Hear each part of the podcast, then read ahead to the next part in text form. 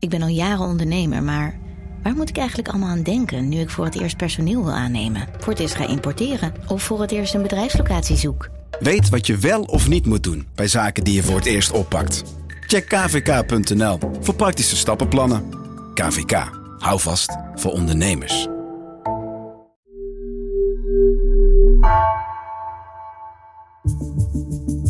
Vanaf de redactie van NRC het verhaal van vandaag. Mijn naam is Geertje Tunter.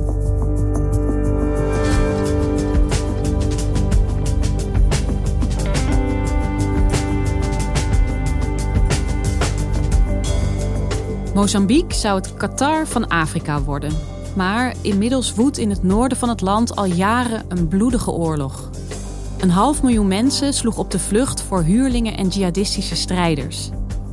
Correspondent Bram Vermeulen reisde naar de frontlinie en deed verslag van een conflict dat voor veel partijen vooral heel lucratief lijkt te zijn.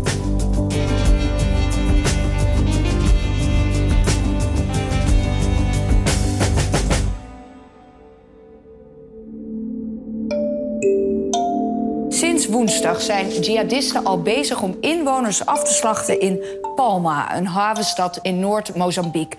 De hele stad is omsingeld en in dit hotel zitten zo'n 200 mensen vast. Palma ligt helemaal in het verre noordoosten van Mozambique, tegen de grens aangedrukt uh, van Tanzania. En voor de kust van Palma zijn uh, grote gasvoorraden gevonden. En uh, in Palma barsten dus van de expats, die werken onder meer voor het Franse gasbedrijf Total. En die hebben uh, nou, vijf dagen van hel, zoals het hier dan in de pers wordt beschreven, doorgemaakt. Many are foreign nationals working on a natural gas project owned by the French company Total. Total has sent in vessels to rescue its employees. Reports say some civilians who tried to escape have been killed. Omdat uh, jihadisten, uh, lokale Mozambicaanse jihadisten, een aanval begonnen op die stad. Jihadisten namen de stad afgelopen weekend op bloedige wijze over. Die stad die was eigenlijk volkomen uh, onverdedigd. En dus stonden die jihadisten binnen een mum van tijd uh, voor een van de belangrijkste hotels waar veel van die expats zich ophouden, het Amarula Palma Hotel. En vervolgens hebben ze een plan gemaakt, zittende in dat hotel, om een ontsnappingspoging te doen. Dus ze hebben een konvooi samengesteld van 17 voertuigen. En uh, besloten om uh, van het hotel naar de compound van Total te rijden. En die compound is heel goed bewaakt en die ligt ten zuiden van dat hotel. Maar op het moment dat dit konvooi uh, de poort van het hotel verlaat, rijden ze eigenlijk onmiddellijk in een hinderlaag die ze niet hadden zien aankomen, kennelijk. En bij die aanval worden in elk geval uh, drie van die voertuigen uh, vernietigd. Reports say some civilians who tried to escape have been killed. Zeven doden, uh, begrijpen we. En de rest van die mensen in het konvooi zijn onmiddellijk uit hun auto's gesprongen, teruggerend naar dat hotel en hebben daar hele angstige uren doorstaan. Uiteindelijk is het grootste deel van Palma, zijn echt uh, meer dan 1400 mensen, zijn uiteindelijk erin geslaagd om toch het strand te bereiken van uh, de compound. En zijn daar opgepikt door vissersboten, door uh, willekeurige vrachtschepen. En die mensen zijn vervolgens naar de zuidelijke stad Pemba gevlucht. Wat een verschrikkelijk verhaal, hè? Totale chaos hebben zij dus achtergelaten daar. Dat kun je wel zeggen. Uh, en tegelijkertijd zeg ik erbij, is het ook niet voor niks dat dit nieuws dan juist uh, de voorpagina's in de, in de wereld haalt. Want het conflict in Mozambique is al drie jaar gaande. Maar pas op het moment, en dat zie je dan altijd, op het moment dat er experts betrokken zijn, in dit geval Zuid-Afrikanen, Fransen, andere Europeanen, dan pas wordt het voorpagina nieuws dan zijn opeens de ogen van de wereld op dat conflict gericht. Terwijl, zoals jij zegt, dat speelt eigenlijk al veel langer daar. Het is natuurlijk erg cru eigenlijk. Um, kan je eens vertellen, wat voor conflict is dat? Ja, het conflict is in 2017 begonnen, uh, waar gewapende islamitische jongeren ineens een campagne van terreur begonnen. En die campagne van terreur is eigenlijk in de afgelopen maanden steeds erger geworden. En ik heb toen eigenlijk meteen eh, besloten dat ik daar naartoe moest. Omdat dit is eigenlijk voor het eerst dat dit soort geweld Zuidelijk Afrika heeft bereikt. Daarom is het uh, ook zo'n, behalve dat het zo gruwelijk is wat er gebeurt, is het ook zo'n ongelooflijk interessant verhaal. Dus ik heb toen toestemming gevraagd van de regering om daar naartoe te reizen. Die kwam er maar niet. We kregen geen accreditatie. En die accreditatie is pas half januari binnengekomen. En toen ben ik eigenlijk vrijwel meteen vertrokken om te gaan achterhalen wat zich daar nou precies afspeelt. Jij hebt heel veel moeite moeten doen hè, uh, om daar dus naartoe te kunnen, maar uiteindelijk lukt het jou. Hoe, hoe ging dat?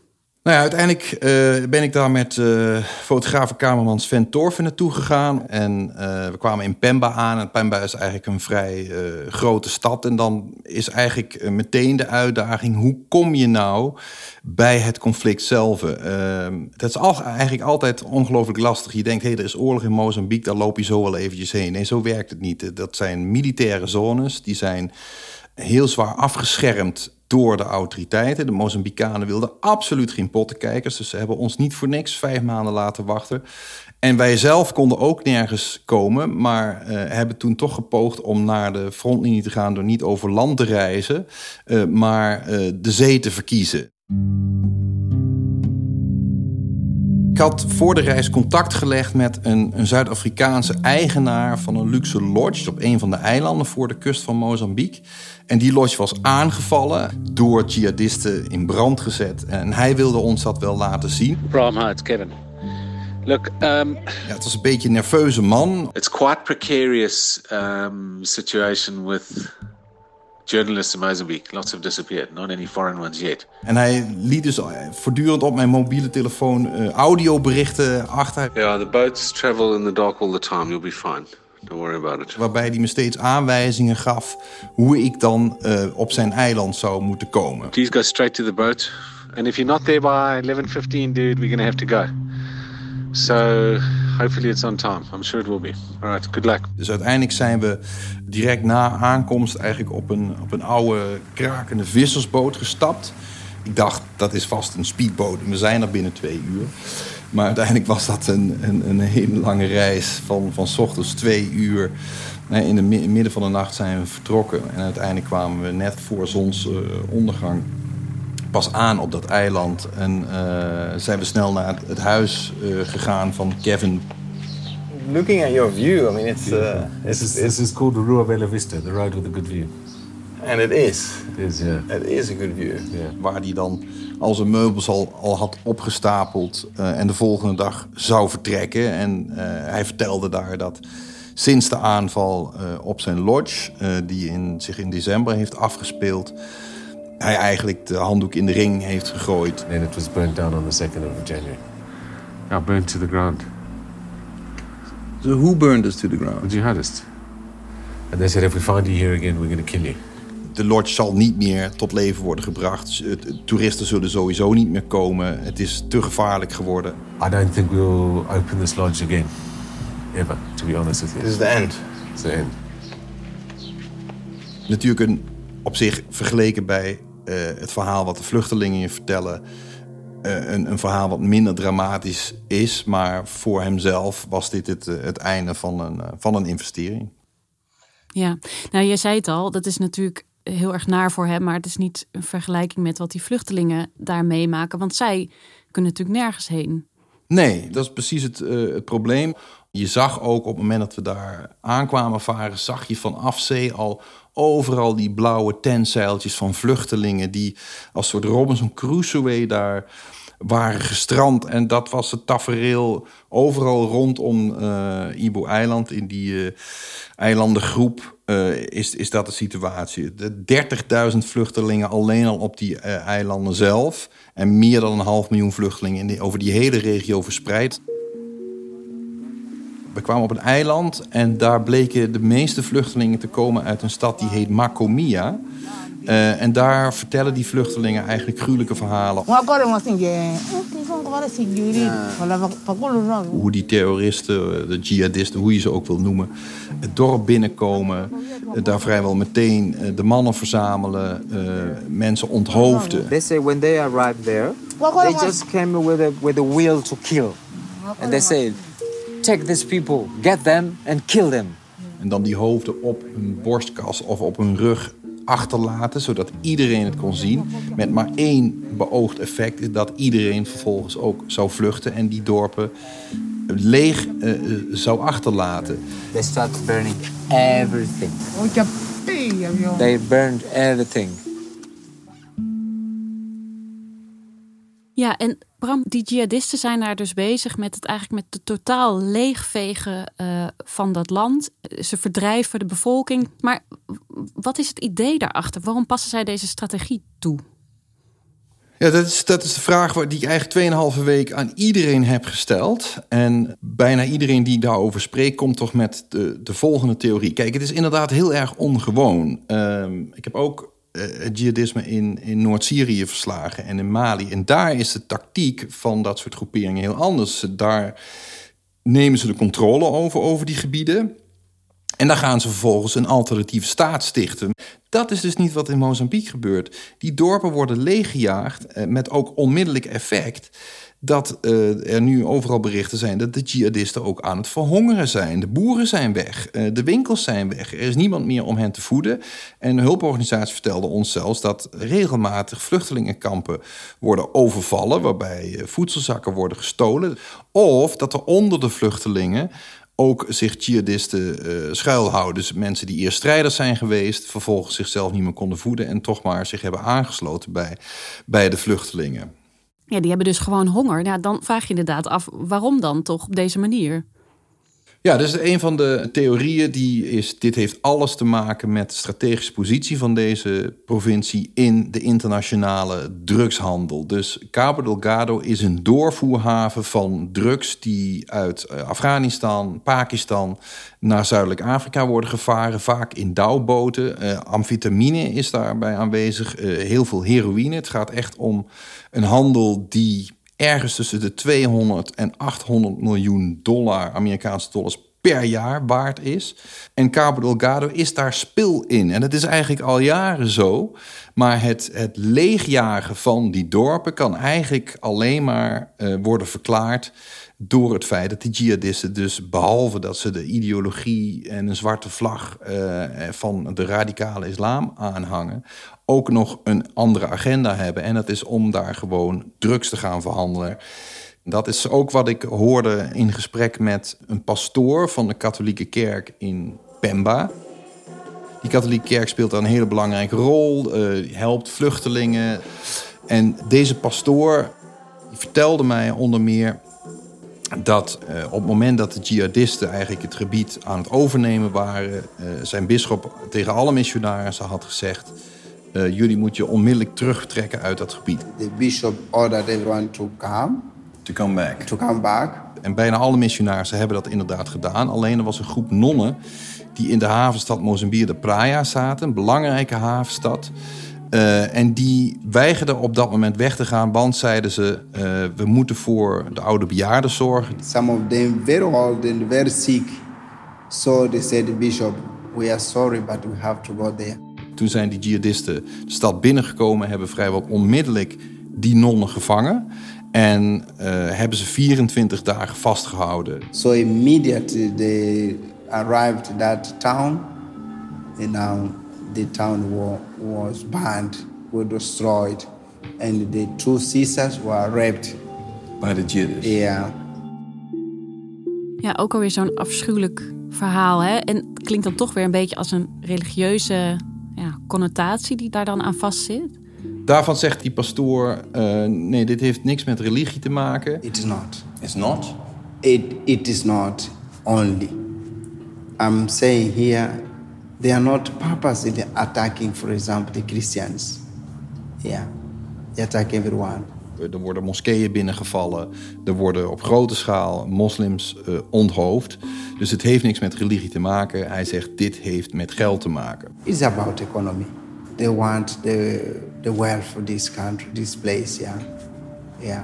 Smokkelgeld, drugs, tropisch hardhout, mensenhandel. Dat is eigenlijk de as waarom deze oorlog draait. Ja, dat is weer de tragiek hè, van een land waar dan zoveel grondstoffen zijn. Dat eigenlijk zo rijk zou kunnen zijn en, en dat dan toch juist de armoede ingestort wordt. Ja, je moet je voorstellen, Mozambique is een van de vijf armste landen ter wereld. Een land dat eigenlijk al tientallen jaren aan het infuus ligt van de internationale hulpgemeenschap. Nederland geeft daar bijvoorbeeld ook heel veel uh, hulp en steun. En ineens, in 2010, is daar voor de kust een enorme gasbel gevonden. Een van de grootste ter wereld wordt zelfs gezegd. De Mozambicaanse regering uh, heeft zelfs gezegd dat ze van Mozambique het nieuwe Qatar wilde maken. Nou, dat zijn natuurlijk enorme beloften. En tegelijkertijd, uh, als je naar Cabo Delgado gaat, zie je daar werkelijk niets van terug. Uh, bijvoorbeeld in de hoofdstad van de provincie Pemba, zelfs de hoofdstraat is niet eens geasfalteerd. Dus als het daar even gaat regenen, en dat doet het vaak, dan wordt dat onmiddellijk een modderpoel waarin vrachtwagens vastlopen, waarin het vuil gewoonweg op die prachtige stranden daar aanspeelt. Overal plastic. Nou, dus, dus het sentiment in Cabo Delgado is heel erg, wacht even. Er gaat hier heel veel geld verdiend worden. Eh, we gaan het Qatar van, van de wereld worden. En tegelijkertijd krijgt de, de, de bevolking daar niks van terug. En wat is dan de rol van de regering van Mozambique in dit geheel. Want daar hebben we het eigenlijk nog bijna niet over gehad. Het leger blijkt in ieder geval dus niet in staat om op te treden hiertegen. de regering heeft eigenlijk van het begin af aan geprobeerd deze oorlog zo klein mogelijk te houden. Waarom? Omdat ze heel erg bang waren dat de westerse investeerders, de gasbedrijven, eh, zich uit angst voor al dat geweld zouden terugtrekken. Maar er spelen nog meerdere agenda's. Oorlog is business. Hoe werkt dat? Bij oorlog worden heel veel contracten uitgeschreven. Contractors. Nou, dit is ook in, in Mozambique het geval. Daar vliegen Zuid-Afrikaanse huurlingen rond. Die huurlingen moeten betaald worden. Op het moment dat iemand betaald moet worden met een contractje, kun je altijd, laten we zeggen, 10% of 5% afromen naar de official die die contracten sluit. Voor de eigen zakken. Voor de eigen zakken. Een van de grootste symbolen van deze oorlog heb ik gezien toen ik op een boot stapte in Pemba uh, en voor die haven lag een enorm groot vrachtschip met op het dek zes uh, spiksplinternieuwe militaire speedboten die je perfect zou kunnen inzetten bij deze strijd, maar die lagen weg te roesten op het dek van het schip. Hoe kan dat nou weer? Die zijn een aantal jaar geleden aangeschaft door de regering met het excuus wij hebben bescherming nodig van onze kust.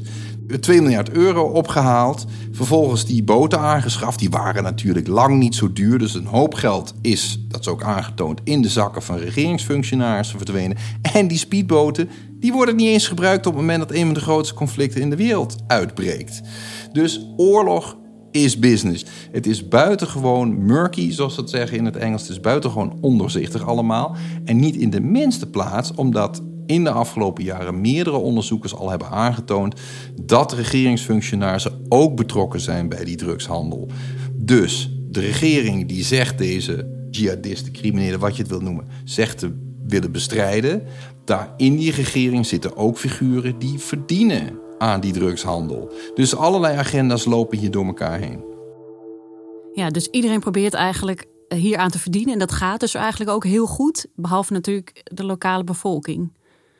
Ja, die, eh, nou ja, dat is zo'n Afrikaans gezegde, waar twee olifanten strijden, leidt het gras.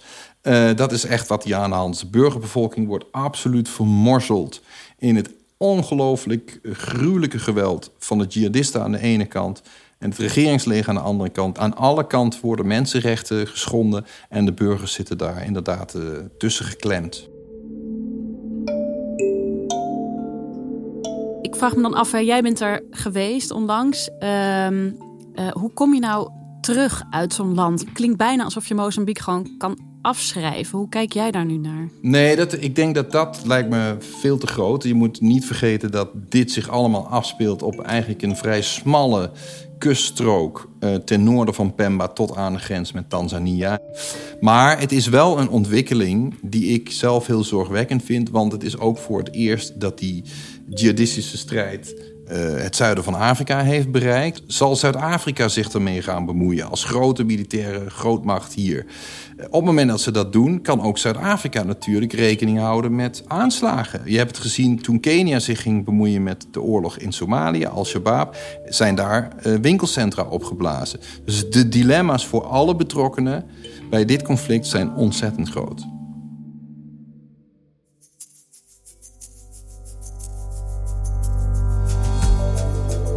Je luisterde naar vandaag, een podcast van NRC. Eén verhaal elke dag. Wil je meer weten over dit onderwerp? Zondagavond om vijf voor half tien zendt de VPRO een documentaire uit die Bram Vermeulen over Mozambique maakte. Of abonneer je op de nieuwsbrief via vpro.nl. Deze aflevering werd gemaakt door Tessa Kolen en Misha van Waterschoot. Plaatsvervangend chef van de audioredactie is Ido Havinga. Dit was vandaag, fijne paasdagen en dinsdag zijn we er weer.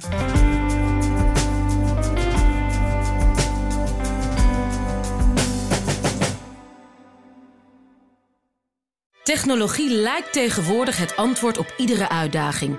Bij PwC zien we dit anders. Als we de potentie van technologie willen benutten, kunnen we niet zonder een menselijk perspectief. Human-led, tech-powered noemen we dat. Ga naar pwc.nl.